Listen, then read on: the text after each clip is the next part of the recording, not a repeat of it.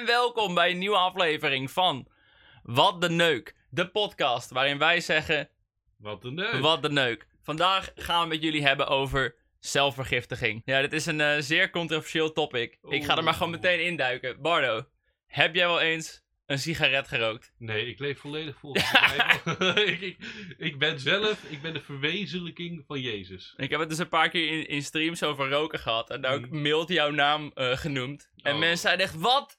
Bardo rookt? Bardo rookt? Ik wist dit niet! Ik kreeg dus gisteren ook weer een paar DM'tjes binnen. Was het gisteren dat je dat deed, of niet? Wellicht. Ja, want ik kreeg gisteren dus een paar DM'tjes binnen van... Yo, Bardo, Rick is je aan het snitchen. Bardo, Rick is je aan het naaien. Dat ik dacht, tering Rick, wat ben je nou weer aan het doen? Ik was je aan het naaien, man. Oh nee, nee, kijk, ik, ik, eh, ja, weet je, het is, ik heb alles wel een beetje geprobeerd en gedaan in het leven. Jij, jij dan jou? Ja, maar dat, voor mij heb je dat roken wel heel vaak geprobeerd. Ja, roken heb ik wel heel vaak geprobeerd. Dat is een uit de hand gelopen hobby. Nee, want Ja. In, in principe dus, heel veel mensen, eh, dat merk je ook vast al vaak. Jij, jij, jij rookt Mhm. best vaak, dus de kans dat mensen je op straat tegenkomen terwijl je aan het roken bent, is wel aanwezig. Behoorlijk. Ik, ik weet ook wel bij, dat is het ding ook bij Dutch YouTube Gathering en zo. Daar heb je gewoon daarachter heb je een soort VIP-ruimte. Oh, dat is grappig. Er zijn zoveel YouTubers aan het roken waarvan je niet weet dat ze roken.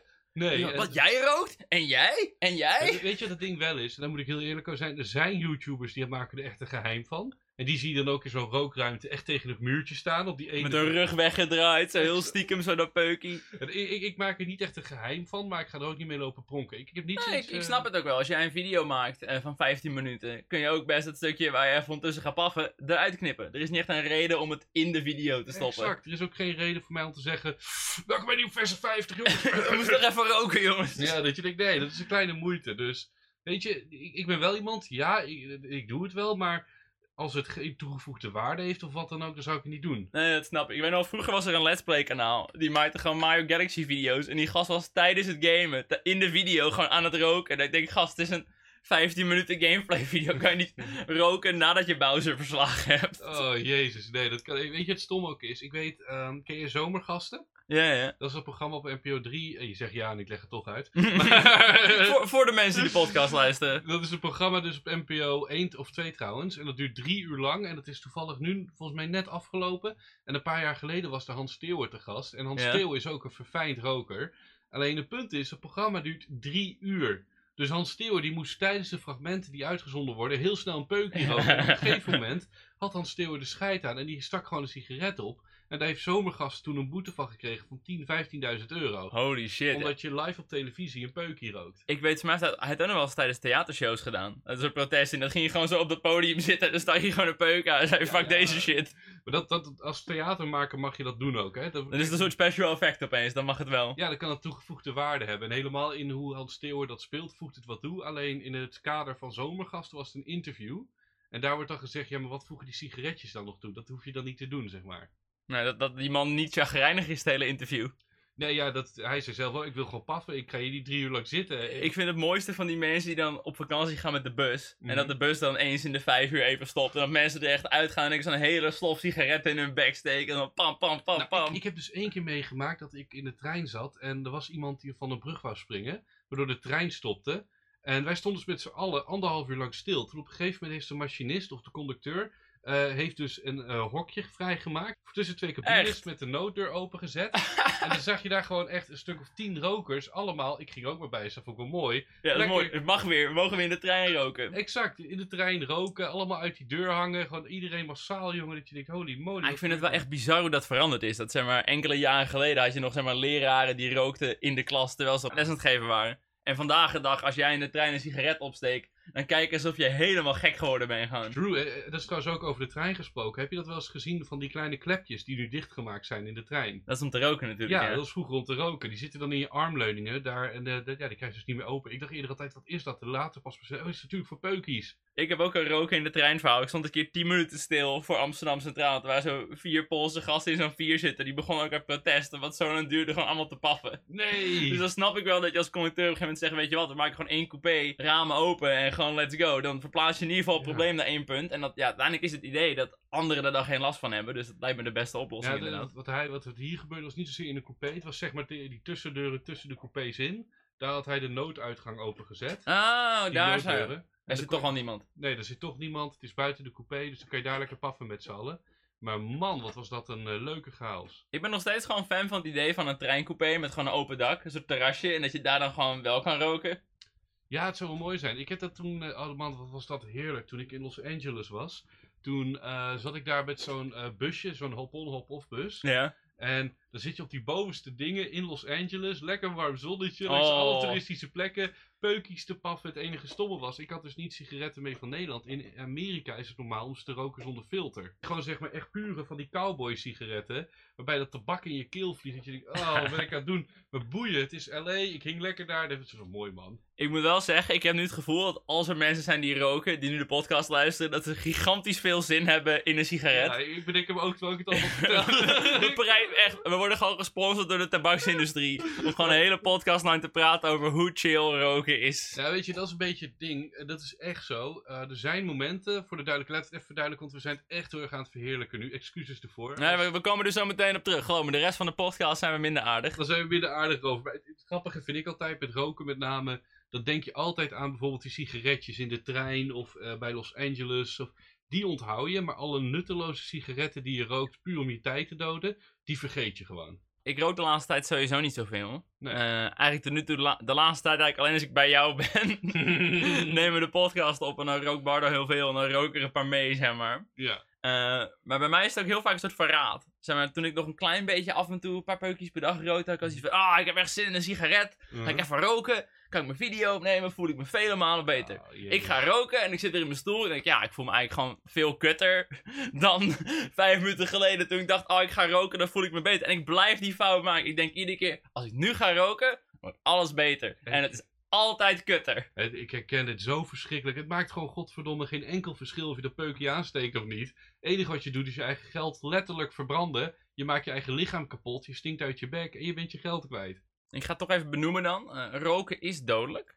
Serieus? Ja, je kan dus dood van roken. En de meeste rokers weten dat wel. Waarom staat dat nergens aangegeven? Ja, ik vind wel dat we dat iets duidelijker misschien of op de verpakking zouden Ja. moeten zetten of zo. Zoals met een foto of zwart-wit tekst, dat je het echt... eh, Ja, heel veel mensen zeggen dus rokers weten heus wel hoe slecht het voor je is. Maar weet je echt hoe slecht het voor je is?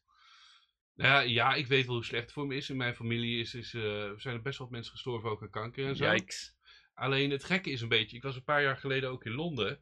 En eh, daar hebben ze dus nu het niveau bereikt dat ze de hele rookwal eh, wal die ze daar hebben, de muur zeg maar. Dat zijn gewoon witte pakjes met eh, zwarte tekst Marlboro. Roken is Ja, gewoon alle branding eraf halen. Exact, dat ook dat weg is. En dat gaat binnenkort in Nederland ook komen. Dat vind ik best wel terecht. Ja, ik ben eigenlijk zelf voorstander van het idee om de naam van sigaretten te veranderen. Naar bijvoorbeeld kankerverkrijgmiddel, nummer zoveel. Plaats van mag ik een pakje maar mag ik kankerverkrijg 13a. Kankerstickies.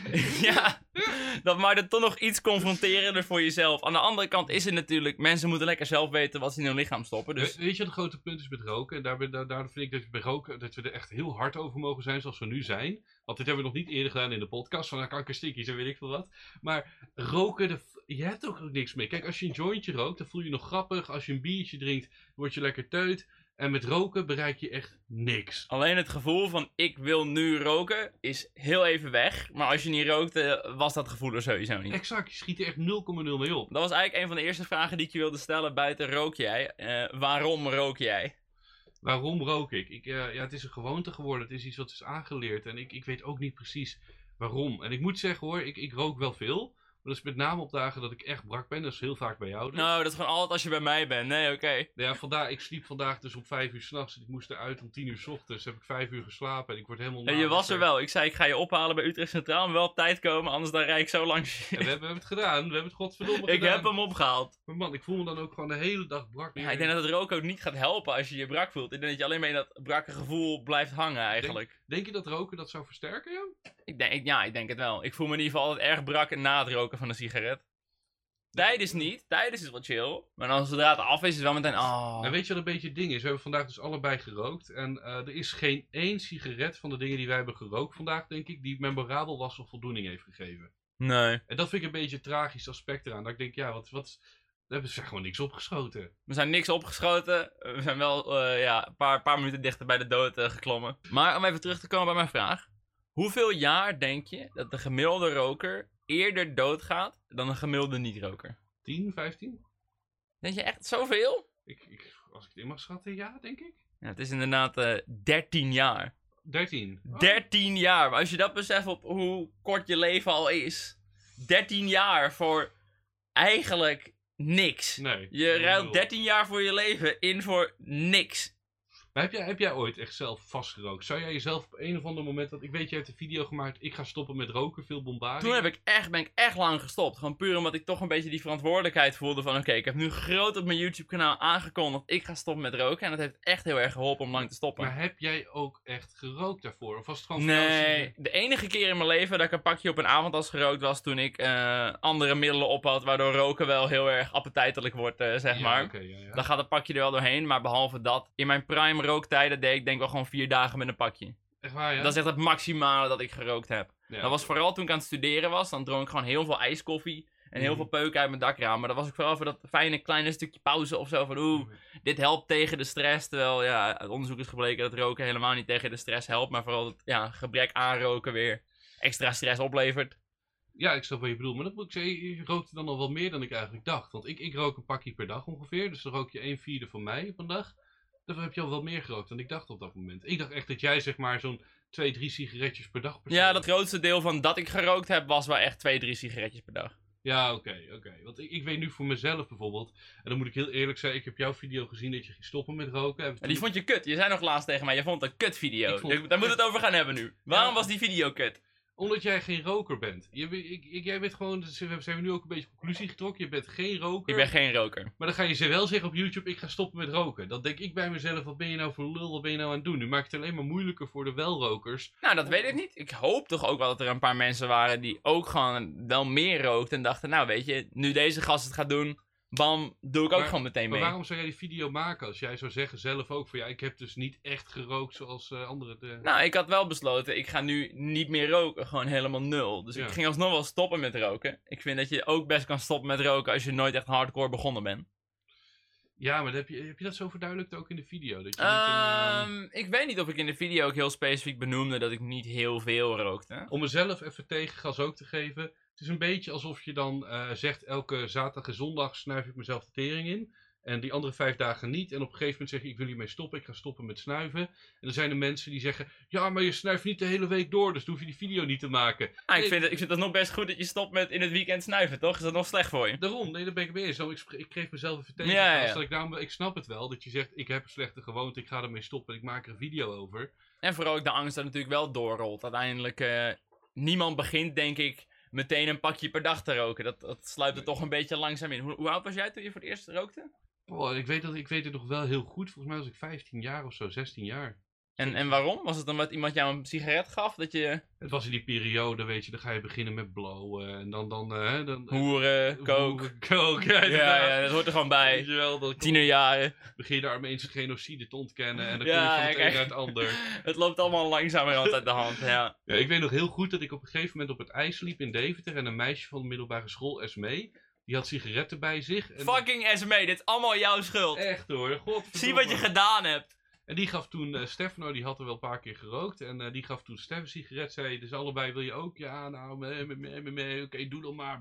En eh, het- ik, ik vond het ook helemaal niet lekker. Het ruikt Dat is het ook. Niemand vindt zijn eerste sigaret lekker. Nee. Dus waarom rook je dan ooit die tweede? Hoe gebeurt dit? Nou, voor mij is het denk ik echt gekomen met de blow ook gewoon. Dat op een gegeven moment ga je lekker Oh, je rookt toch wel tabak. Want Ja. je rookt je jointjes met tabak. Ja, dan ga je toch iets minder van functioneren. Ben je misschien iets minder productief. Denk je, nou oké, doen we een soort joint light. Halen we Mhm. gewoon de wiet eruit. En dan roken we gewoon peuken. Exact. En dan gaat het langzamerhand telkens eh, verder minder, of ja, verder uit de hand lopen en dan minder open ooit.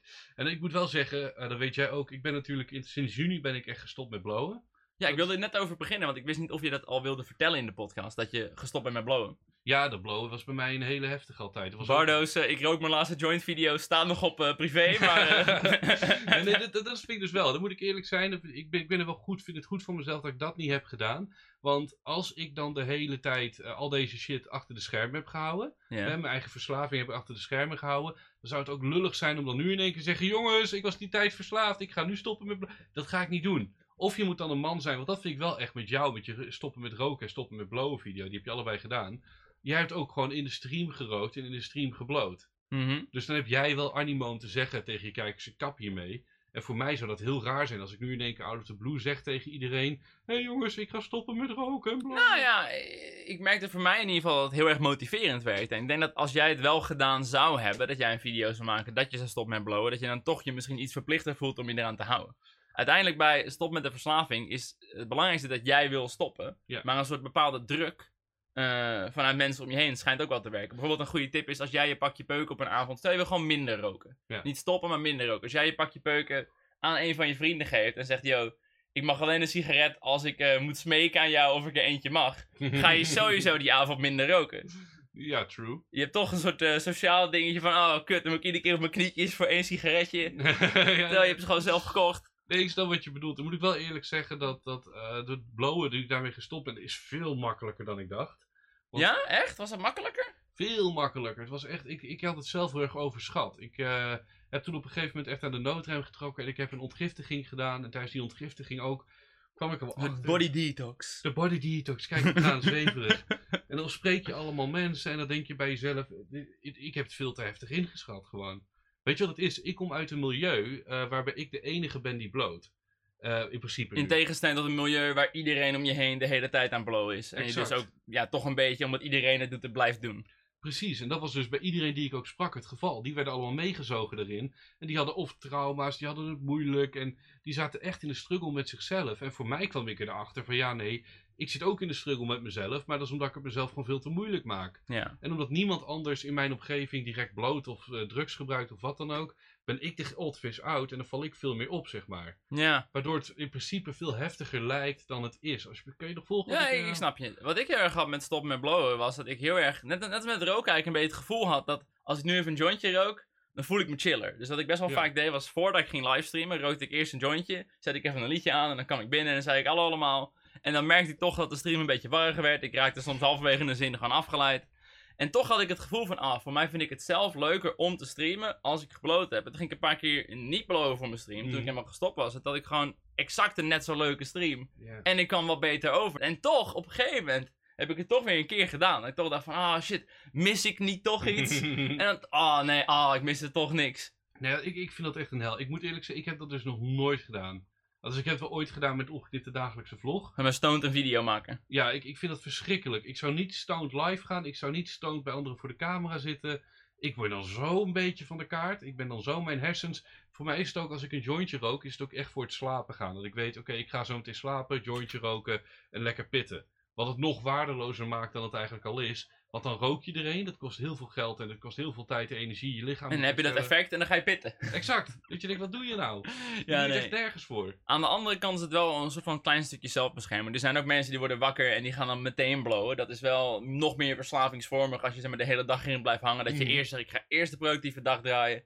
Alles doen wat ik wil doen. En dan ga ik blowen. Ja, de wake and bake mensen. De wake and bake inderdaad. Nou, nu moet ik wel zeggen, ik weet niet hoe erg. Hoe, wat is jouw ergste eh, dieptepunt geweest wat betreft blowen? Heb jij een. eh, Ja, ik heb nooit echt een dieptepunt gehad. Zeg maar, toen ik die stoppen met eh, blowen video maakte, was het vooral dat ik gewoon andere problemen had. En dat ik hoopte als ik ging stoppen met blowen, dat die problemen dan weg zouden gaan. mhm. Dat bleek uiteindelijk niet zo te zijn. Maar ik was nog gestopt, dus dat was wel een Nee, goed je- bonuspuntje. Ik heb er nooit echt last van gehad dat die niet kon functioneren. Misschien wel. Ik denk dat de blowen wel heel erg eh, in hand liep met het veel te laat naar bed gaan. En daardoor weer te laat mijn bed uitkomen. En daardoor weer niet alle dingen doen die ik kon doen. Herkenbaar, dat heb ik ook gehad.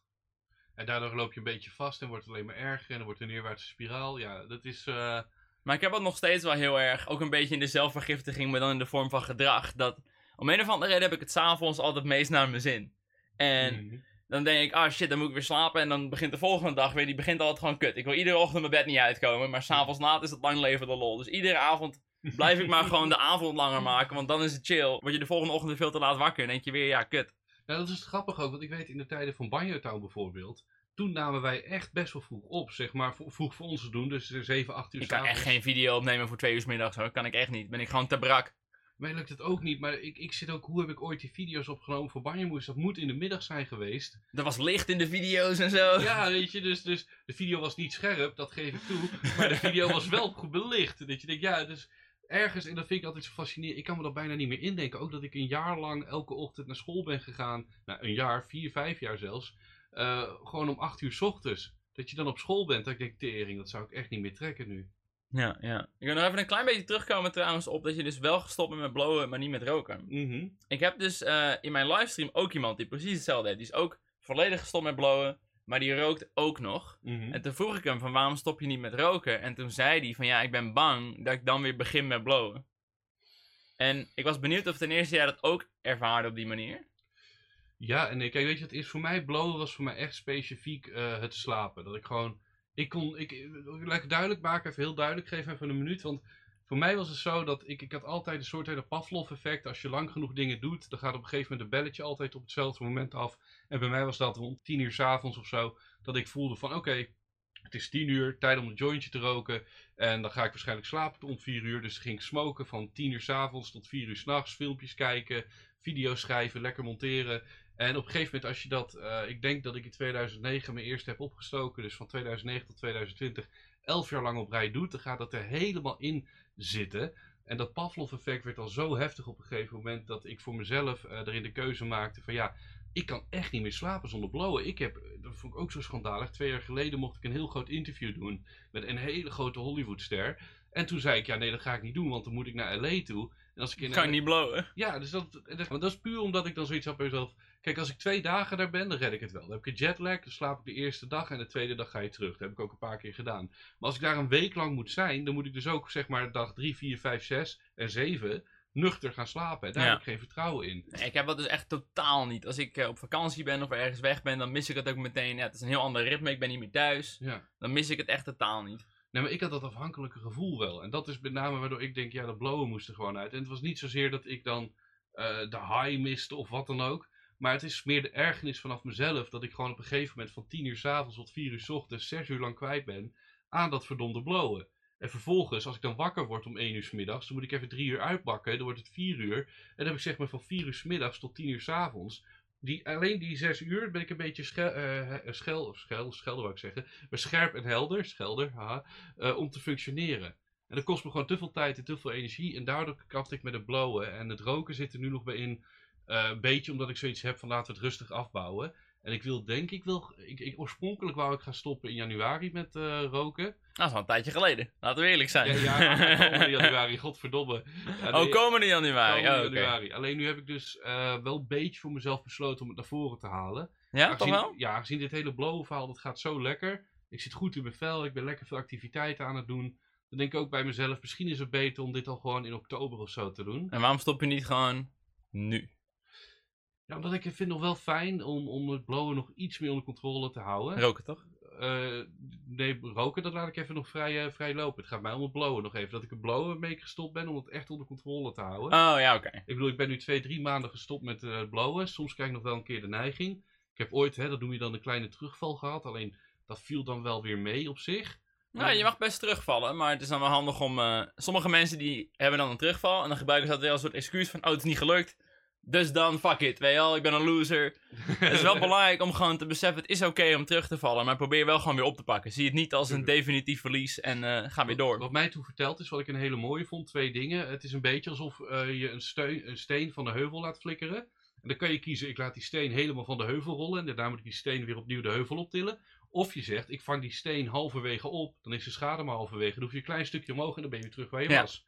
En dat is een beetje mooi. En het is ook zo natuurlijk met olifantenpaden, die ken je ook wel natuurlijk. Olifantenpaden, ja, dat is zeg maar zo'n platgedrukt stuk gras. Wat zo schuin overstijdt, omdat iedereen exact dezelfde route loopt. Exact, iedereen wil een beetje afsnijden en dan volg je het olifantenpad in het gras, zeg maar het, het, het, eh, het zandstukje in het gras, Ja, het ja. olifantenpad. En als je op een gegeven moment elf jaar lang hetzelfde olifantenpad hebt gelopen van het smoken, ik ben nu bezig om een nieuw olifantenpad te maken zonder het smoken, dat ik gewoon Mm. nuchter kan gaan slapen. En dat olifantenpad maken, dat duurt echt jaren natuurlijk, niet jaren, maar maanden Ja. in ieder geval. En als dat olifantenpad goed ligt van smoken of slapen zonder smoken, dan ga ik verder met het roken en ik hoop dat dat rond oktober gaat worden of zo. En, eh, Ja, je weet het nu wel heel erg aan met het verkopen. Ik ben wel overtuigd. Mijn eigenlijke punt was dat die andere gast dus ook zei van ja, ik eh, eh, wil nu niet stoppen met roken, want ben, ben ik bang dat ik weer ga blowen. mhm. En ik dacht, ja, is dat niet gewoon een soort excuus wat je hersenen maait om gewoon door te kunnen roken? Natuurlijk is het excuus die je hersenen maar, maar het is ook. Het is net zoals een beetje dat mensen altijd denken, ah, oké, ik kan of nu stoppen met roken, of ik wacht tot januari. Als ik hoor wat jij net zegt over die gozer, dan heb ik ook zo'n gevoel van. Het lijkt bijna alsof hij de afspraak met zichzelf heeft gemaakt al. Van ik rook omdat ik dan niet blow. Dus als hij nu gaat eh, stoppen met roken, dan Heeft Ja. hij aan zichzelf beloofd dat hij mag gaan smoken weer?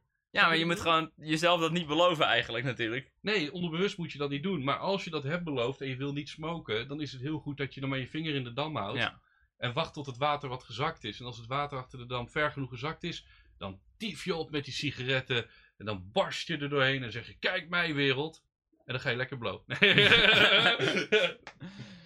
Nou ja, uiteindelijk is het toch denk ik wel heel vaak dat je hersenen toch een beetje trucjes verzinnen. Wat ik dus net zei, eh, eh, beloftes met nieuwjaar. Mm. Uiteindelijk is het toch gewoon bullshit. Als je iets aan jezelf wil veranderen, doe het nu. Ga het niet eh, uitstellen tot ik doe het volgende maand wel. True, ik moet wel echt, echt eerlijk zeggen, ik kijk wel echt op tegen het stoppen met roken hoor. Dat, dat is Ja, heb je er echt, echt geen zin in? Nee, terwijl het slaat nergens op, want alles wat ik net heb gezegd ook tegen jou, is... Heb, je het wel eens eerder geprobeerd? Echt gewoon, echt dedicated. Nee. Ik ga nu volledig Ik stoppen. heb wel een paar keer geprobeerd te stoppen met blowen, maar nog nooit echt met roken. Maar dat is dus met name in, omdat... in, in ik- de afgelopen, zeg maar, negen jaar is er geen dag geweest waarop je niet gerookt hebt. Eh, ik niet. Nee, nee, eigenlijk niet. Wauw. Nee, ik denk echt dat ik elke dag wel gerookt heb. En het is langzaamaan meer geworden. En de laatste paar maanden weer wat minder. Maar nu ik stop met blowen weer wat meer. En ben je ook heel actief bezig met het verzamelen van sigaretten? Mensen die verslaafd zijn hebben toch ook vaak zoiets van... Oh kut, ik heb nog één pakje, ik moet gauw... S'avonds laat nog naar het station dat- dat is fietsen om een extra pakje te halen ik heb dus wel eens gedaan dat ik eh, eh, naar Amsterdam ging. Hè, en dan moet je sigaretten meenemen van thuis. En dan heb ik gewoon voor de lol, in plaats van een vol pakje, nam ik gewoon 5 à 10 sigaretten. Ik ga mezelf even uitdagen. Dit is wordt spannend, jongens. Ja, maar normaal, als ik, tien, als ik een vol pakje heb, dan rook ik het volle pakje leeg. Maar als ik vijf sigaretten bij me heb, dan bereken ik het over de dag. Denk ik, oké, ik ben er nu één uur, ik ben er in totaal vier uur. Ja. Laat ik gewoon die sigaretten verdelen en dan red ik het prima.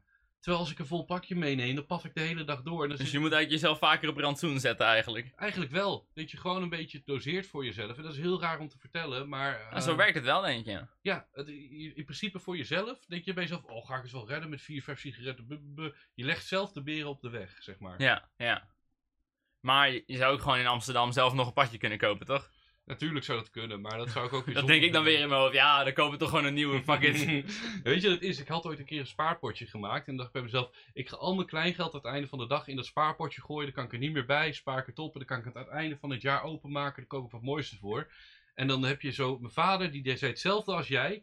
Eh, die ging toen mijn spaarpotje laten zien dat je met een eh, mesje het kleingeld er heel makkelijk uit de spaarpot Oh nee, oh nee. Ja, nou, en toen was het hek van de dam. Die spaarpot heb ik gewoon nooit... Ik heb dus exact hetzelfde. Ik heb nog nooit een spaarpot zeg maar, die vol zit. En dat je dan zo met een hamer zo pat, zo dat varkentje kapot slaat. Ja. Het is gewoon altijd zo met een mes zo de onderkant eruit halen. Zo, oh, tientje top. Ja, Doei.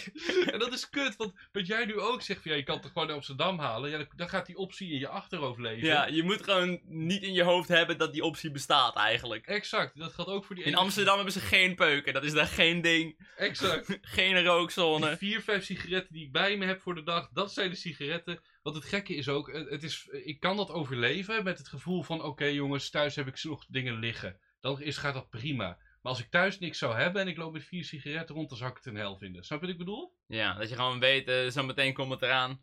Precies, zo meteen zit ik thuis, heb ik niks. Dat zou ik kut vinden. Maar als ik weet, zo meteen ben ik thuis, er ligt daar nog gewoon een pakkie, dat is top. Niks aan de hand. Totdat je thuis komt en je komt erachter dat je pakkie kwijt bent. En denk je, oh kut, sorry.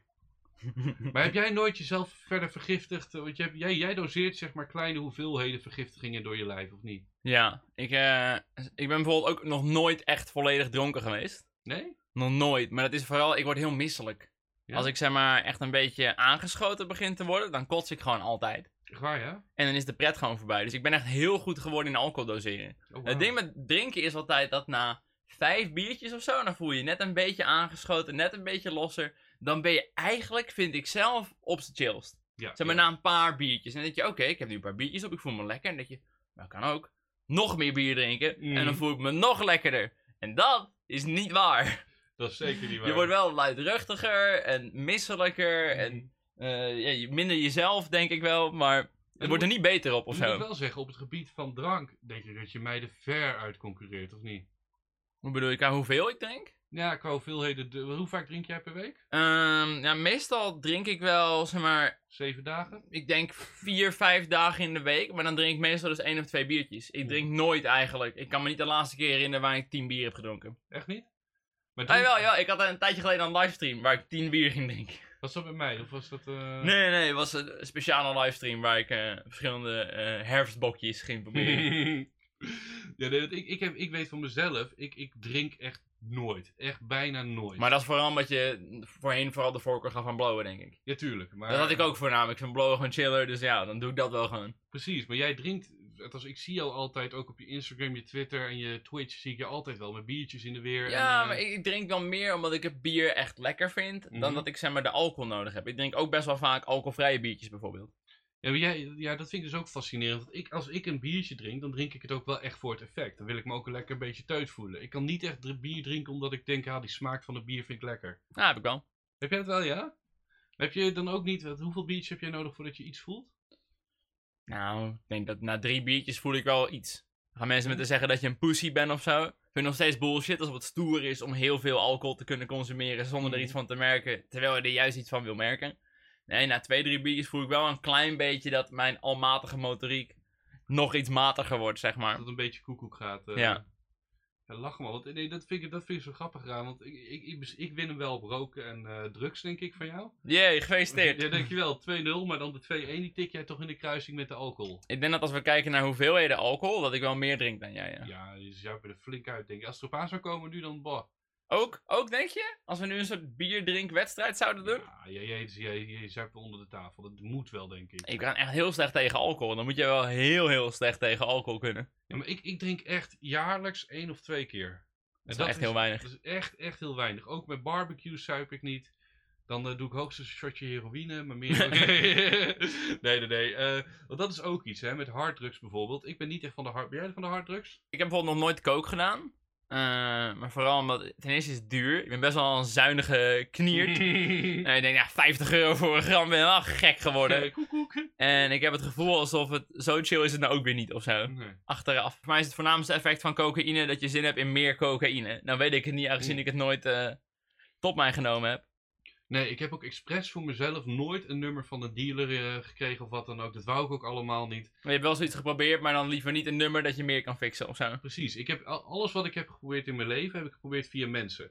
Dus stel jij tovert nu uit je, uit je broekzak een... eh, Ik heb nog salvia op mijn kamer liggen als je interesse hebt. Nou, dus kijk, dit bijvoorbeeld wat je nu zegt, zou ik best nog wel zeggen, lijkt me lach om een keer te proberen. Nou, ik zou het echt heel erg ernstig afraden. Salvia is echt heel kut. Ja, Het is totaal niet verslavend, want als je het één keer doet, wil je het nooit meer doen. Het is echt nachtmerrietroep gewoon. Dat is een goede aanrader dus. Ik heb één keer in mijn leven salvia gerookt. Toen voelde ik me letterlijk een hoek van 90 graden. Ja. Ik werd een hoek van 90 graden. Toen kwam ik in een soort draaikolk waar ik uit probeerde te klimmen. Ja, En ik zag zo het hoofd van de vriend die naast me zat zo draaien in die draaikolk. ja, En het voelde echt alsof ik meters aan het maken was. Oh. En blijkbaar volgens hem, aangezien hij zat ernaast, was ik 10 centimeter kwijlend over de bank. Zo, eh. Ja. En toen kwam ik weer een beetje bij zinnen, was ik heel erg in de war. Hoe laat is het? Waar zijn mijn sleutels? Oh. Ik vond het helemaal kut. Nou, ik moet zeggen, ik denk voor mezelf dat ik het heel erg uit, uit voorzorg ook echt gewoon niet doe. Omdat ik weet dat het met blowen al een beetje uit de hand is gelopen. Je vertrouwt jezelf ook al niet helemaal Nee, qua verslavingsgevoeligheid. eh. Nee, ik denk het is beter om het gewoon niet allemaal niet te hebben. En eh, lekker afstand Misschien is het beter als je, als je niet weet wat je mist, eh, zeg maar. Precies. Nou, ik, ik, ik heb best wel wat geprobeerd in mijn leven. Alleen dat is allemaal via via gegaan. Ja. Ik denk de laatste keer dat ik iets heb gedaan is denk ik nu drie jaar geleden. Twee, drie jaar. Oké. Dus dat is echt nog wel een fikse periode. Klein beetje een algemene vraag, maar ook misschien voor de luisteraars interessant. Wanneer ben je verslaafd aan een bepaalde stof? Oeh, ja, wanneer je afhankelijk bent. Alleen dat is heel lastig, want... Ik denk dat iedere verslaafde heeft toch een beetje het gevoel van ik kan stoppen wanneer ik wil.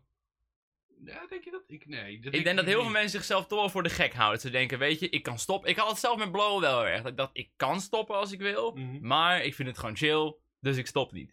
Ja, maar dat is... Ja, ik denk niet dat... Ja, ik denk dat... Maar ja, als jij, jij zegt zelf dus, jij zou echt heel veel moeite hebben met roken. Dat- om het- te stoppen. Ik, ik denk niet dat dat. Ja, laat ik duidelijk zijn. Ik denk dat er mensen zijn inderdaad die zeggen.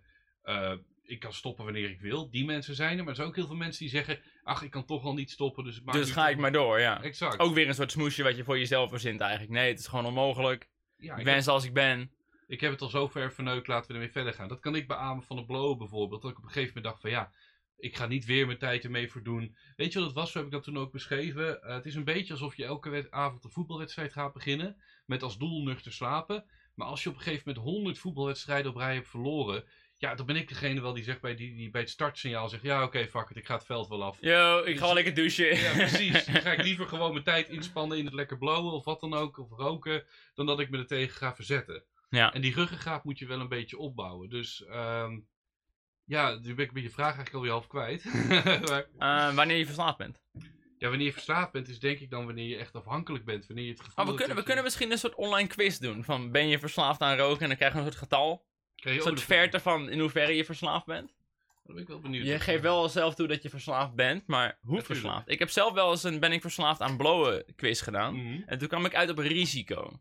Maar dat was voornamelijk omdat ik dingen had zoals blow je meteen als je wakker bent of alleen s'nachts. Hoeveel geld geef je eraan uit? Hoeveel rook je dan? Heb je wel eens geld van familieleden gestolen om Oeh. drugs te kopen? Maar ja, bij mij was het antwoord dan nee, want ik heb zelf gewoon geld. Maar ja, Ja. misschien als ik 0 euro had, zou ik het wel gedaan hebben, weet je wel. Dus dat vind ik ook wel weer een beetje oneerlijke vragen. Ik vind stelen, Ja, vind ik wel een heel duidelijk signaal dat als je steelt voor je drugs, dan ben je best wel verslaafd als je van familieleden gaat stelen. 100%. Ook al Maar als je het niet doet, is het niet meteen een teken dat je niet verslaafd Ook bent. al stil je natuurlijk. niet van familieleden, maar van anderen, dan ben je best wel eh, verslaafd. Met name als het aankomt op geld, zeg maar. En wat ik erbij toe wil voegen was nog eigenlijk het idee wat ik... eh, ehm, ik weet dat ik ooit een keer, hè, toen wou ik een jointje roken, maar ik had even geen geld. Dat geld kwam een dag later binnen. Ging ik geld lenen, want ik had ook geen eten. Geld lenen om aan sigaretten te komen is ook wel echt eh, niet best. Nee, dat is ook niet best, maar ik, ik, had, ik had het ook nodig om eten te halen. Alleen ik kreeg zeg maar 10 euro. Hey, 2 euro eten, 8 euro. Exact. Ding, denkt, ding, ding, ding. Verkeerde verhouding is dat. Je kan niet eten Je had hem 2 2 euro moeten geven. Ja, ja, precies. Een zak krentenbollen en weer door. Exact, leef daar maar van, kreng. Oké, ik heb hem gevonden. Quiz. How strong is your nicotine addiction?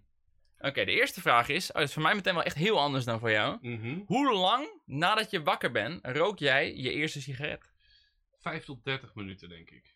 Ik kan me dat zo moeilijk voorstellen. Dus precies wat je zegt, dat ik nooit echt een roker ben geweest. Ja? Roken, na- nadat ik net wakker ben, lijkt me echt ranzig gewoon. Echt waar? Ik kan me dat echt niet voorstellen. Dat je wakker wordt, de hele tanden nog goor van de nacht, dat ik dan meteen een sigaret in mijn bek steek. Ja, voor mij is dat een beetje gewoon dat ik... ik ja, dit hoort bij het ochtendritueel, het wakker worden. Het is er ingeslepen. Ja, ik kan me voorstellen dat op een gegeven moment gewoon in je, in je gewoonte slijt. Wakker worden, kopje koffie, sigaretje. Weer, weer dat Pavlov-effect, hè? Dat je zegt... eh, Pavlov. ja, dit Ik zie nu pas hoe dit best een leuke woordgrap is. Godverdomme, bedoel ik het niet. Pavlov. Lof voor paffen. Pavlov.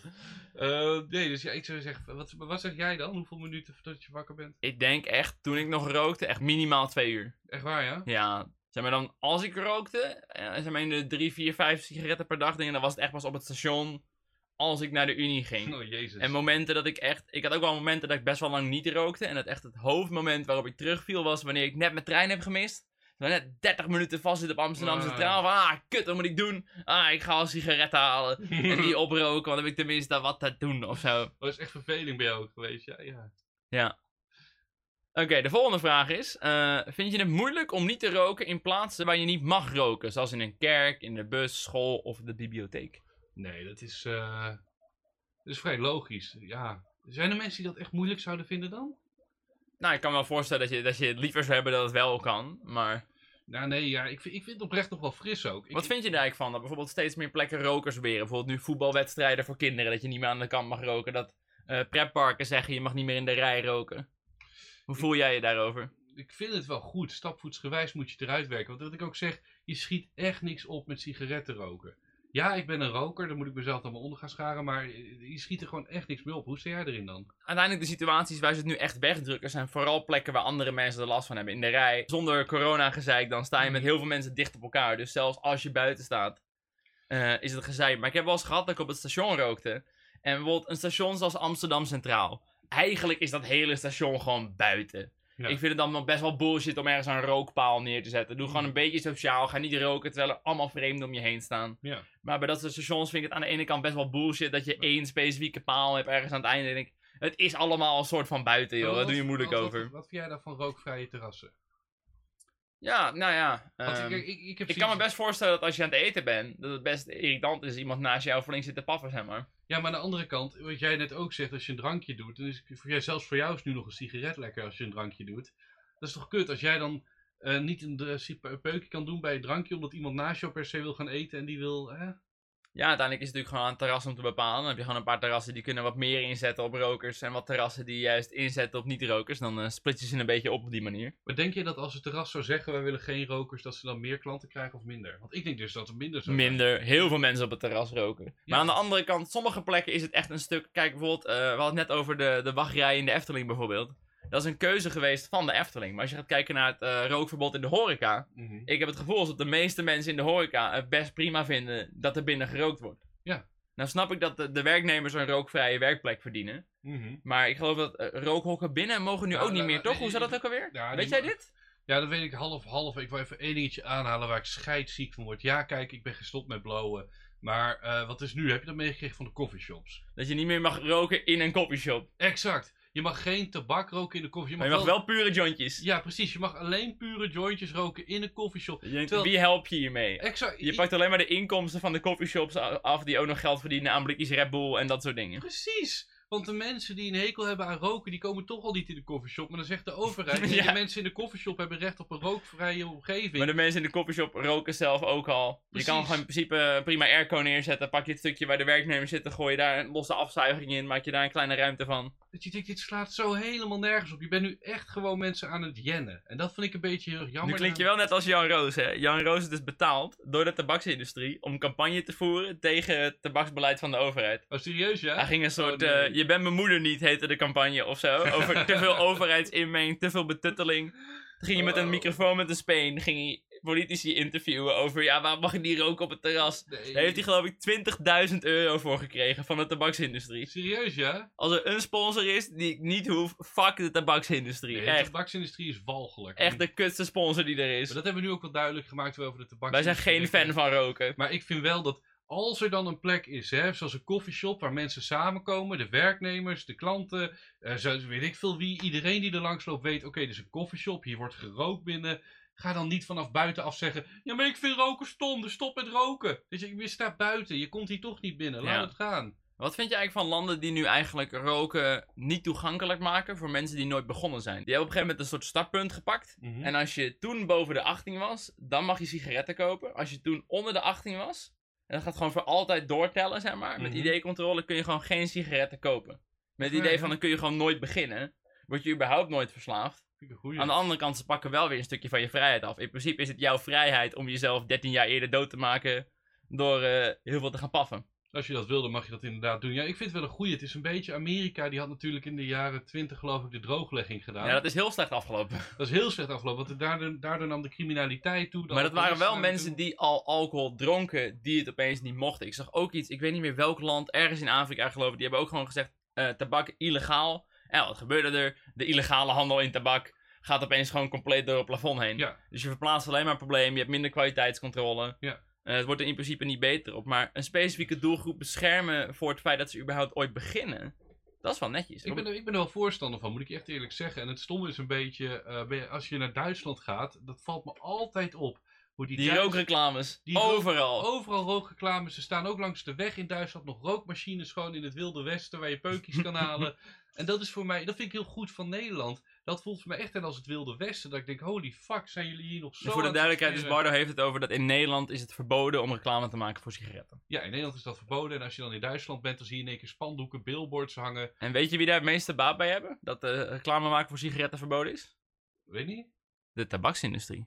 Waarom, eh, Dit heeft mijn economieleraar ooit verteld. In principe, wat tabaksindustrieën doen, is ze stelen vooral elkaars klanten. Camel steelt klanten van Marlboro. Er zijn vrij weinig mensen die een bord zien over roken en dan beginnen met roken. Dus in principe Ah. zijn ze de hele tijd heel veel geld aan het investeren om elkaars klanten te stelen. Terwijl als je gewoon zegt, yo, reclame is verboden, zijn er nog precies evenveel klanten, misschien iets minder. mhm. Maar het scheelt wel al het budget wat je in marketing hoeft te gooien. Dus Dat door het verboden te maken, is in principe voor de tabaksindustrie eh, PR-technisch best wel handig. Het scheelt gewoon een hoop geld in marketing. Ja, dan zijn de klanten gewoon gebonden die gaan niet meer weg. Ik vind het ook zo grappig, want ik zag laatst een video ook voorbij komen. Volgens mij was dat Lubach of John Oliver. Waarbij ze uitgebreid hadden over de tabaksindustrie. En dat ze nu ook erover hebben dat die tabaksindustrie gewoon naar India, naar Afrika. Ja, die groeit gewoon. De tabaksindustrie groeit omdat ze nu gewoon armere landen targeten waar dit soort wetten niet bestaan. En daar gewoon, er zijn echt landen in Afrika waar gewoon twee derde van de volwassen mannen gewoon roken. Ja, exact. Dat je denkt, dit loopt zo uit de hand. Hè. Die, is, eigenlijk die tabaksindustrie denkt, oké, we zijn Europa en Amerika een beetje aan het verliezen. Fuck it. We pakken gewoon een nieuwe plek om te beginnen. Ja, ja, ja. Exact. En daar wonen 15 keer zoveel mensen. Dat is 15 keer zoveel geld. Dus hier, fuck Europa. Dat je denkt, ja jongens. Nee, precies. Maar ik rook uit principe omdat ik de staat steun. Laat ik dat daar... Nou. Eh, een vriend van mij heeft dus ooit onderzocht voor eh, zijn profielwerkstuk economie of roken nou netto goed Mhm. of slecht was voor de staat. En eh, uiteindelijk was de conclusie voor mij dat het goed is. Maar rokers zijn goed voor de economie. Waarom? Ten eerste de accijns die ze betalen. Tuurlijk, het negatieve is, eh, ze nemen af en toe een pauze op hun werk. Dus ze gaan vaker weg om even te paffen. Mhm. En ja, werkers zijn vaker ziek. Maar het voornaamste, echte grote voordeel is, het allerduurste voor de Nederlandse overheid, is mensen met een pensioen. Ja. Hoe langer jij leeft, hoe langer jij dat pensioentje hebt, hoe duurder jij wordt. Fuck ouderen, die kosten veel geld. Dus als Ja. jij ervoor zorgt dat je 13 jaar eerder doodgaat, is dat voor de overheid in principe gigantisch gewenst. ja, en je betaalt ook via de accijns nog heel veel geld terug. Dus rokers zijn in principe goed voor de economie. Dus dat dan weer wel. Dat is dan weer fijn. Zullen we verder gaan met de quiz ook? Want Ja, laten we verder gaan met de quiz. Ehm, de derde vraag is: welke sigaret vind je de moeilijkste om eh, theoretisch gezien op te geven? Is dat Mhm. de eerste sigaret van de dag of iedere andere sigaret? Nu moet ik zeggen dat ik heel veel waarde hecht aan de eerste sigaret van de dag. Maar Waarom? Ik, zou zeggen dan eh, elke andere sigaret. Toch wel? Ja, want ik, ik, eerder dronk ik ook nog wel een Red Bulltje in de ochtend. En Mhm. die is er inmiddels ook uit. En daar kan ik prima mee Dus je leven. bent echt wel aan het verbeteren als ik het zo hoor. eh. Ja, ja, ja. Ik, ik wil gewoon tegen... Weet je wat het is? Laat ik even heel duidelijk zijn voor de mensen die nu luisteren. Ik ben nu 28 en ik heb zoiets bij mezelf. Eén keer in mijn leven zou ik willen weten hoe het is om topfit te leven. Nou, niet zozeer topfit. Ik hoef niet een sixpack. Ik hoef niet mee te doen aan Expeditie Robinson. Maar ik zou wel willen weten, op- als ik op mijn sterfbed lig, dat ik zeg... Ja, ik heb daar nog een periode gehad waarbij ik toch probeerde gezonder te leven. Meer te sporten, meer activiteiten, meer sociaal. Ja. Ik bedoel, als je mij een half jaar geleden had gevraagd ik om hier naartoe te komen, kon je de tering krijgen.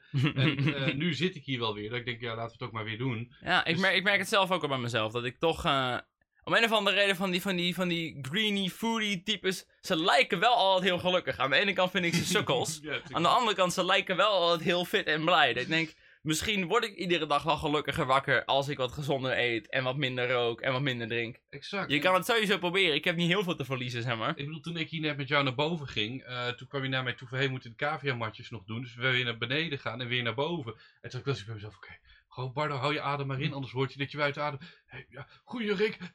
En dat is toch kut, als je denkt, het zijn twee traptreders die je hoeft te lopen en ik ben buiten adem. Dat is gewoon kut. Meer Pokémon Go spelen, toch? Meer Pokémon Go spelen. Oké, de volgende vraag is: hoeveel sigaretten rook jij iedere dag? Is dat 10 20 of minder? 30. 20 tot 30, wauw. Op een slechte dag meer dan 30, maar op een... Meer dan. Ik kan, ik kan me dat zo moeilijk voor. Ik word na vier sigaretten echt misselijk. Ja? Ik, ik, ik, ja, ik, ik, ik kan me echt. Zelfs al zou je me betalen, ik zou echt niet 30 sigaretten op een dag kunnen roken.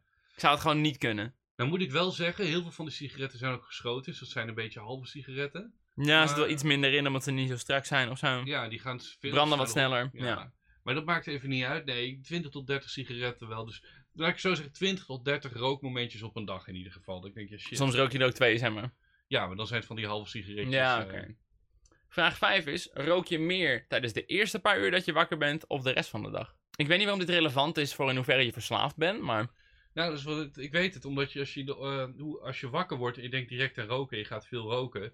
Dan ben je verslaafder dan als je wakker wordt en je denkt minder aan roken. Met allemaal andere dingen bezig, naar je werk gaan, je kinderen naar school brengen. Precies, je- je zit niet uit je raampje te paffen. Dat, eh, nee, ja, boer, dat, is- dat een kutvraag. Wat een achterlijke kutvraag. Nee, ik denk nee. Ik denk niet dat ik meer rook in de morgen dan eh, door de rest van de dag. Oké. Ik vind de laatste vraag vind ik dan wel echt weer een hele goeie. Aangezien je het één keer hebt meegemaakt. Rook je nog steeds als je ziek bent en de hele dag op bed ligt? Oh ja, tuurlijk. Ja. Echt. Ik had één keer, dat was in een tijd dat ik dus drie, vier sigaretjes per dag rook, dat ik echt een keer ziek was en mijn hele keel naar de getver. Ik was buiten met de hond aan het lopen en ik rookte een sigaret. Wat ben ik aan het doen? Ik ben fucking ziek. Ja. Ik heb al last van mijn keel. Ja, Waarom ja. doe ik dit? Ik vond het echt heel kut. Ik heb die sigaret ook niet opgerookt. Fuck deze shit. Ik, ik, ik heb dat dus voor mezelf. Maar je rookt wel minder toch als je ziek bent, of niet? Ja, maar dat is met name, ja, ja. Omdat je je bed niet uitkomt. Dat mijn bed niet uitkomt. Nee, ik hou mezelf dan voor de gek dat ik denk, nee, maar oké, die vorige was kut, maar de volgende sigaret wordt misschien wel goed. Maar dat, is, dan, nee, dat is gewoon weer de nicotine sletje in je hoofd natuurlijk. Die, Natuurlijk, jezelf voor de gek houden. Iedere, de volgende sigaret is al de beste sigaret die je ooit van je leven gaat roken. En alle vorige sigaretten was gewoon toevallig kut. Ja, dat is, je, houdt, je meet alles af aan die ene goeie. Je meet het niet af aan die slechte. Want er zijn zoveel slechte en er zijn zo weinig goeie. Dat je gewoon beter direct kan kappen ermee. Oké, Dus, maar eh, eh, ja. je rookt nog steeds als je ziek bent. Ik denk dat de resultaten van deze quiz niet heel dendend voor je zullen Ik zijn. vrees het ook niet. Your total score is 5. This shows your nicotine addiction is medium. Medium. Oh, jongens. That's pretty good! Sorry voor deze podcast. Eh, dit was een slechte podcast. We zijn toch niet zo verslaafd en vergiftigend bezig als we dachten. Nee, oh, daar ben ik nog wel trots. Dan moet ik wel zeggen, sommige vragen hebben we mild ingevuld. Maar, Ja. Dus ik zit op medium. Oké, ik, ik had wel gedacht... Je kan, volgens de quiz, eigenlijk kan je gewoon morgen stoppen. Je moet gewoon eens een pussy zijn. Ja, maar dat is hetzelfde dus eigenlijk in principe met de blowen wat ik zei. Dat ik gewoon dat veel te groot en moeilijk maak voor mezelf. En ik denk dat dat een probleem is voor heel veel mensen. Heel veel mensen denken bij zichzelf van, oh ik ben zo afhankelijk en ik heb... Terwijl het heel erg meevalt. Alleen waarom denk jij dat wij zelf onszelf vergiftigen überhaupt? Waarom, waarom doe jij eraan? Waarom ben, waarom ben jij ooit begonnen met roken, blowen, kooksnuiven, heroïne spuiten? Ja, het komt niet voor uit een soort uh, rare zelfhaat of zo. Dat is het niet. Ik heb niet zoiets van, oh, ik uh, hoop mezelf langzaam de dood in te werken. Dat is het niet. Nee. Het is eigenlijk toch iedere keer dat ik toch mezelf voor de gek hou dat ik denk dat ik me chill ga voelen. Ik denk dat niemand kiest ervoor om heel veel sigaretten te roken, vrijwillig. Nee. Zeg maar, niemand die zijn eerste sigaretten rookt zegt, oké, morgen doen we de 20. Let's fucking go. Dus uiteindelijk is het toch echt gewoon, jij voelt je kut, je denkt een sigaretje gaat helpen. Het helpt ook heel eventjes, voel je weer kut, denk je nou nog een sigaretje erin. En dat doe je gewoon de rest van je leven of zo. Ja, maar ben je, want het is niet bij jou zo, voel je je dan echt depressief, verdrietig of... Is, ik hoor bij jou ook heel veel verveling. Dat als je die trein mist, dat je dan bij jezelf zit, ah, ik zit hier een half uur, laat ik paffen. Nou, bij mij valt het is meer echt een soort impuls of zo van, ah ja, ik kan even lekker roken nu. Ja. En ik merkte dus ook toen ik een beetje aan het googelen was van wat zijn nou echt de goede tips om te stoppen. Wat vooral een tip was die voor mij heel goed werkte, misschien meer voor de small slash medium rokers, is gewoon eventjes vijf minuten afleiding. In principe is het heel vaak, je hebt op dat moment heel erg zin om te roken. Mhm. En als je gewoon eventjes met je gedachten ergens anders heen gaat, vergeet je eigenlijk alweer dat je dat gevoel hebt. En dan zal het waarschijnlijk later weer opkomen en dan moet je het gewoon weer wegduwen. Goeie. Zeg maar, iedere keer dat jij zin hebt in een sigaret en geen sigaret rookt, heb je eigenlijk een klein gevecht gewonnen Nou, ik had toen ooit een keer een gesprek bij die ontgiftiging. En dat vond ik zo mooi. Toen was er een man en die zei ook tegen mij: Bardo, weet je wat jij moet doen? Je moet afleiding zoeken voor blowen. Dus als je zin hebt om te blowen, moet je gewoon wat anders gaan doen. Ja, Dus ga ik- gewoon anders doen. Ga gewoon niet blowen. Wat een tip, wat een Toen, tip. toen zei ik dus voor de lol ook tegen hem, zoals heroïne spuiten. Nou, nee, nee, nee. Die man is gewoon helemaal in de stress. Toen ik zei, het is een grapje, rustig. Maar nee, je moet inderdaad gewoon afleiding zoeken. Je moet iets vinden. Want ik vind het grappig, wat wij allebei hebben als we het hebben over sigaretten, is het zijn zinloze, tijdverdrijvende vervelingspeukies. Ja, Er, zijn, er zit geen effect achter, er zit geen nut achter. En toch eh, is er iets schijnbaar bij ons wat, daar, ons wat ons daar weer heen drijft. En het was ook niet zo toen ik... Ik weet niet, wanneer heb jij je eerste peuk gerookt? oké. nou, het allereerste wat ik ooit gerookt heb in mijn leven was een jointje. Eh, net voordat ik 18 werd, volgens Mhm. mij. Toen op een gegeven moment gingen we met school naar Genève toe. was een soort nerdy... eh, je hebt altijd zo'n examenuitstapje ding. En dan kon je naar Rome, Barcelona, naar Londen. En ze hadden speciaal voor de natuurkunde nerdjes kon je naar Genève, naar CERN, naar de deeltjesversneller. Ik ben ook echt bij de deeltjesversneller geweest. Oh, cool. En onze leraren, die waren een beetje... Dat is altijd een beetje zo hoor, bij dat soort dingen. Dat de leerlingen zijn heel rebels. Die willen s'avonds laat zuipen, maar de leraren zeggen nee, tien uur je bed in. Als we een fles drank vinden, sturen we je naar huis, weet je wel. Eh, dus wij gingen een beetje rebels doen. Toen op een gegeven moment dachten, weet je hoe we rebels kunnen doen? We gaan sigaren roken. dus echt bij zo'n Duits benzinestation, pers ik sigaren gekocht. En iedere keer als de bus stopte, gingen wij sigaren roken. Gewoon puur om de leraar te kutten van, dit mag, hier kunnen ze niks over zeggen. Nee. Dit kun je kopen vanaf je zestiende. En toen op een gegeven moment had een van mijn vrienden had een pakje sigaretten gekocht. Ik gast, wat doe je? Moet dat nou? Moet dit nou? Toen zei hij van, wil je er een, wil je er een, wil je er een? Ik zei, ah, de laatste avond waren we natuurlijk ontsnapt om te gaan zuipen. En toen stond ik daar ergens met mijn pik uit mijn broek te pissen midden in Genève. Toen zei hij, wil je een sigaret? Ik zei, ja, is goed. Dus met die peuk in mijn bek te pissen. Ah. Toen voelde ik me echt een rebel. Het was echt een, eh een rebellenmomentje. ja, oké, jij doet ook echt voor het totaalplaatje, het coole gevoel. En, Het eh, coole gevoel was het echt op dat moment. Toen ben ik echt heel lang gestopt. En ik kan me eigenlijk heel moeilijk herinneren wanneer het echt weer begonnen is eigenlijk. Ja, dat is die, die, die eerst Ik kan me niet eens meer herinneren waarom ik op een gegeven moment een keer een pakje gekocht heb. Waarschijnlijk wel gewoon een beetje party roken. Dit is wel echt een dikke tip. Ik zou er niet te veel mee doen. Maar een sigaret is echt tien keer lekkerder als je een paar biertjes achter je kies hebt.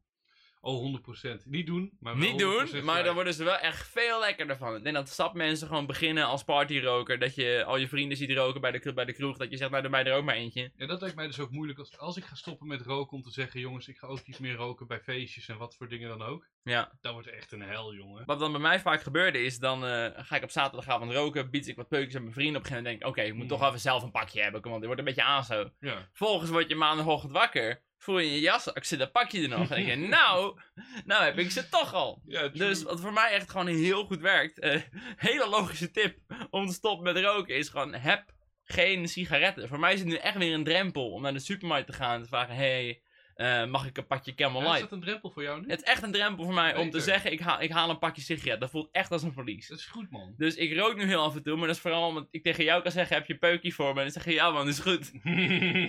Maar een pakje sigaretten Dan kopen? krijg ik meestal nog een appje van Billy daarna van geef Ja. Rick geen sigaretten. Dat schijnt wel eens te gebeuren, ja. En dan denk ik, oh kut, sorry. Dan heb ik je net een sigaret gegeven. Dan denk ik, oh scheid, sorry Billy. En het grappige is, want ik zie je laatste vraag die nog had staan op het eh, dingetje. Wat voor zelfvergiftiging heb je nog meer? En ik denk eigenlijk, wat ik het grappige vind eraan. De belangrijkste zelfvergiftiging zijn niet per se peuken, drugs, alcohol. Oh, dit ik- komt, er wordt een diepe. Dit wordt Ja, een die diepe wordt een hele- filosofische. Ik denk echt dat het je eigen hersenpan is. Ik denk dat wij onszelf gewoon vergiftigen met bepaalde gedachten, bepaalde ideeën. En dat geldt dus bijvoorbeeld voor die jongen die je net beschreef, die dan eh, nu nog alleen aan, aan het roken is omdat hij niet wil blowen. Waarmee je een soort afspraak met jezelf maakt. Geldt ook voor mijzelf natuurlijk, dat ik geen alcohol of harddrugs doe omdat ik daar geen vertrouwen in heb. Maar het geldt ook bijvoorbeeld voor mensen die echt zware depressies hebben, suïcidale gedachten. Ook dat is een soort zelfvergiftiging, waarbij je je eigen hersenpan een beetje van de kaart brengt met nare gedachten. Nou, ik vind het heel moeilijk om dat te zeggen. Aan de ene kant natuurlijk, niemand kiest er vrijwillig voor om depressief te zijn. Niemand Nee. wordt wakker en zegt, ah, het leven is kut. Ik ben niet meer, ik wil niks meer doen, ik wil dood. Nee, maar niemand kiest er ook zomaar voor van, ah, laat ik vanaf nu elke dag een pakje peuken roken van 30. Dat, Uiteindelijk is het wel een soort negatieve spiraal, denk ik, waar je, waar je inzakt in ieder geval. ja, en eh, laat ik zeggen, voor de duidelijkheid, het zijn twee totaal verschillende dingen, maar ik bedoel meer hoe destructief onze hersenpan kan zijn voor onszelf. En Rick en ik, we weten denk ik allebei te weinig ervan om daar heel specifiek Ja, ik laat me liever nooit te erg heel erg uit over depressie, aangezien ik heb het zelf niet gehad. Dus eh Nee, ik heb, lijkt, het me, lijkt me wel heel kut, maar behalve dat durf ik er vrij weinig over kwijt. eh. wel, ik heb het wel van dichtbij meegemaakt bij verschillende mensen, maar ik bedoel meer van die, die als je het hebt over zelfvergiftiging. Ik denk dat, laten we depressie vergeten, maar ik denk wel dat de gedachten zijn die de mensheid hebben, die mensen ook uiten. Kleine plazaatjes die je bij jezelf plant. Weet je waar ik bijvoorbeeld, een, hele goede voor mezelf misschien, Eh, zelfbeeld. Dat je Ja, jezelf- dat wilde ik ook net zeggen, zelfbeeld. Ja, Of dat je bezig bent met anderen van je denken, schiet je niks mee op. echt nul. Iedere seconde dat jij bezig bent met wat anderen van je denken. Ten eerste, ze denken het toch al. Waarschijnlijk denken ze het niet eens. Maar als ze het zouden denken, denken ze het toch al. Als jij je de hele dag er rot over gaat voelen dat mensen jou kut vinden.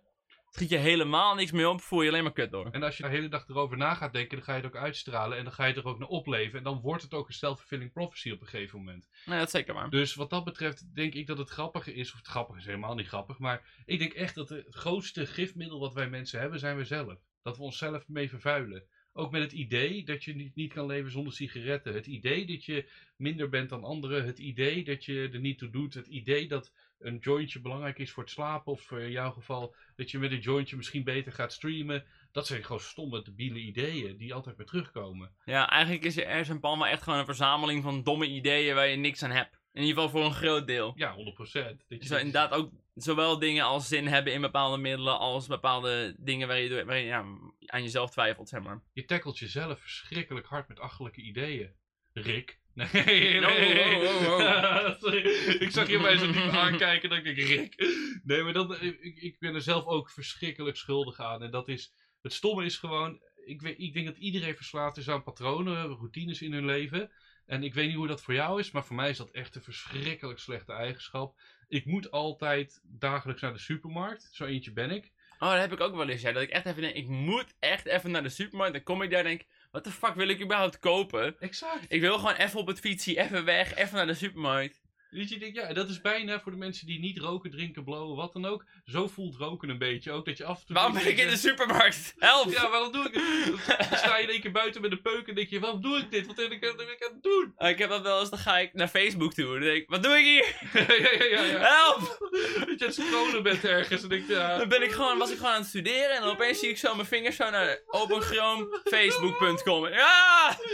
Kut! Ik heb dat wel eens met Twitter, dat ik dan voor de vierde keer ga kijken of er niks Dezelfde nieuws is. kut tweets. Ah, wat doe ik? Ik ken deze scheidbagger al, toch kijk je nog een keer. En dat is ook een beetje met sigaretten dan. Dat je denkt, ja, misschien dat deze vierde keer wel... Nee, nog steeds niet. Oh, jammer. Je Twitter is nog steeds niet nieuw. Die vierde peuk is nog steeds niet lekker. Hou ermee op. En ik, ik weet voor mezelf, dus ik met de supermarkt. Ik moet altijd, zeg maar ook, dat is heel stom. Maar ik kom altijd 10 minuten voor sluitingstijd binnen. Een hele slechte eigenschap. Ik stel het helemaal uit tot het einde. En dan weten die mensen gewoon, oh daar heb je hem weer. 10 minuten versluitingstijd, welkom Bardo. Meneer 10 minuutjes. Meneer, meneer de 10 minuten. Terwijl ik niks nodig heb. Dan ga ik zo naar buiten. Jongens, mag ik nog naar binnen? Oh, wat heb je nodig dan? Ja, dat weet ik nog niet. Laat me even kijken. wat hebben jullie vandaag? Is het assortiment al veranderd? Of, eh? Nee, verschrikkelijke eigenschap. Dus als we deze hele podcast moeten samenvoegen in één soort klein advies voor de mensen thuis. Heb vertrouwen in jezelf. Juist niet. Fuck je brein. Alles waar je zin in hebt, doe het niet. Je moet nagaan. Het woordje slaaf zit niet voor niks in verslaving. Wow. Dus wees verslaving de baas. Daar heb ik oprecht nog nooit over nagedacht. Dat Oh, het woord slaaf in verslaving zit. Ja, anders ben je slaaf van jezelf. En waarom zou je slaaf zijn van jezelf? Je moet niemands bitch zijn. Wees de nieuwe jij. Eh, als je toevallig aan het roken bent, eh, sto- stop er even mee. Eh, ja, dan kun je zeggen dat je het eerder deed dan Bardo. Ja, daarom. Nu, je, kan- je kan mij nu nog verslaan. Als je nu stopt, Als je nu stopt, ben je eerder gestopt met roken dan Bardo. Dat is best wel cool. Dan kun je voor altijd om flexen. kan je dat voor altijd zeggen tegen iedereen. Wat voor mij trouwens nog wel heel goed werkt, is eh, met de blowen, dan had ik zo'n app. En dan kon je zo invullen eh, hoeveel je per dag rookte. En dan zo op start drukken. En dan ging je zo geld tellen, zo hoeveel je al bespaard had. Oh. Oeh, oeh. Dat was zo'n ding natuurlijk toch van oeh, eh, als je je hele leven niet gerookt had, kon je nu een Lamborghini rijden. Maar de mensen die niet roken, die hebben ook geen Lamborghini, dus hè? wat is daar gebeurd? Wat, wat gaat daar in godsnaam? Maar ik vind het wel motiverend om een soort timer te hebben. En dat je dan toch denkt, oké, als ik nu ga blowen of ga roken, dan moet ik wel die timer resetten, weet je. Of dat je een app hebt dat iedere keer dat je Oh, een leuk. sigaretje rookt, dat je hem wel iedere keer moet loggen. Dat je toch ja. iedere keer denkt, ah, kut, moet ik helemaal mijn mobiel opladen om te roken? Laat dan maar zitten. Let dat maar rot maar op. Nee, dat vind ik een hele vette. En als laatste misschien wat ik heel grappig vond, was me toen ook een keer verteld. Ken je die driehoeksverhouding met verwijten? Nee? Je hebt zeg maar drie soorten mensen. Je hebt mensen die gaan, als er iets gaande is, eh, dan wijzen ze direct naar iemand anders. Van dit, eh, jij hebt me iets aangedaan. Je hebt mensen die helpen andere mensen. En je hebt mensen die zichzelf de kast opjagen, het zichzelf aantrekken en in een hoekje gaan lopen huilen. En het enige wat deze drie mensen met elkaar gemeen hebben is, ze schieten niks op. Het beste wat je kan Ah. doen is own up to your mistakes, maak er wat moois van en ga er gewoon vol voor. Dit is, dit is een filosofie die mij ook Ah, verteld ik is. vind het wel mooi. Waardoor je dus beter om kan gaan met het stoppen met blowen. En maak een nieuw olifantenpad ergens. Hè. Zorg ervoor, want hoe vaker je een bepaalde dingen doet. Zoals ik ga tien jaar op rij, 10 minuten versluitingstijd naar de supermarkt. Super kut, sorry supermarkten. Maar als je dat gewoon doorbreekt en je gaat een nieuw olifantenpad maken. Dat je één keer per week boodschappen doet. Dat heeft heel veel tijd nodig voordat het olifantenpad goed staat. En dat je daarmee verder kan gaan. Maar dan heb je wel iets opgebouwd. En dan heb je tenminste niet meer dat oude kutpad. Ja, en wat ik net ook al een beetje zei, ik denk om een mooi mee te geven. Iedere keer dat je niet rookt of niet hetgene doet wat je verkeerd doet, is iedere keer een kleine overwinning. Zo moet je het zien. Ja. Weet je, voor sommige mensen is het misschien niet handig om in één keer gewoon van 20 sigaretten per dag naar 0 te gaan. Maar probeer een keer, zoals Bardo, met 5 sigaretten door een dag heen te gaan. En dan zie je opeens, oh, zo moeilijk was het eigenlijk ook niet. Nee. Als jij van 20 sigaretten naar 5 sigaretten per dag gaat, help je lichaam al heel erg. Precies, en voor de duidelijkheid, mocht je niet roken, maar wel drinken, dit gaat natuurlijk ook over bier. Ik had toevallig laatst een hele podcast geluisterd, de Drug Science podcast. Die praten heel uitgebreid over drankgebruik. Vandaag de dag zijn we er wel allemaal over uit. Roken is heel slecht voor je. Maar drank staat ook gigantisch hoog in de Mhm. oorzaken waarom wij eerder doodgaan. Maar wij hebben het idee, iedereen om ons heen drinkt te veel. Het advies is niet meer dan 14 biertjes per week. En er zijn 30 zat mensen die gaan daar volledig overheen, maar die denken, ah, iedereen doet het. Hier word je vast niet ziek van. Terwijl het is chockerend hoe gigantisch slecht alcohol voor je is. Eh, en die man zei dus ook, ja, als je echt gaat kijken naar alle biertjes die je gedronken hebt in je leven, hoeveel waren nou, zoals jij met je sigaretten, echt, echt, echt lekker? Ja. Hoeveel van die biertjes waren nou echt een beloning en hoeveel biertjes waren, ik kom thuis, ik trek een halve liter klok open en ik tik hem lekker weg. En dat zijn de punten waar je op moet besparen. 100% mee eens. Ik vind het direct grappig vind die driehoeksverhouding weer. Als je daarin gaat kijken, je kan wel zeggen, ja, ik drink mijn biertjes door, want hij drinkt ook. Nee, dan ben je naar anderen aan het wijzen. Je bent eigenlijk weer naar anderen aan het wijzen, ja. Dat moet je niet doen. Je moet niet naar anderen wijzen, je moet niet anderen helpen, je moet ook niet huilen in een hoekje. Je moet gewoon de schuld oppakken, own up to it en haal de slaaf uit verslaving. Je kan het. Haal de slaaf uit verslaving vind ik echt een topslogan. Dankjewel. Dus ik ben heel benieuwd naar de titel van deze podcast. Dus nee, eh, volgens mij is dat het een beetje. Zelfvergiftiging, het, het hoort bij het leven, maar je kan het overwinnen en je kan het. Doorbreek de cyclus, haal de slaaf uit verslaving en kom volgende week terug voor een nieuwe aflevering van Wat de Neuk. En dan denk jij weer bij jezelf, Wat, Wat de de Neuk. Later. yo yo.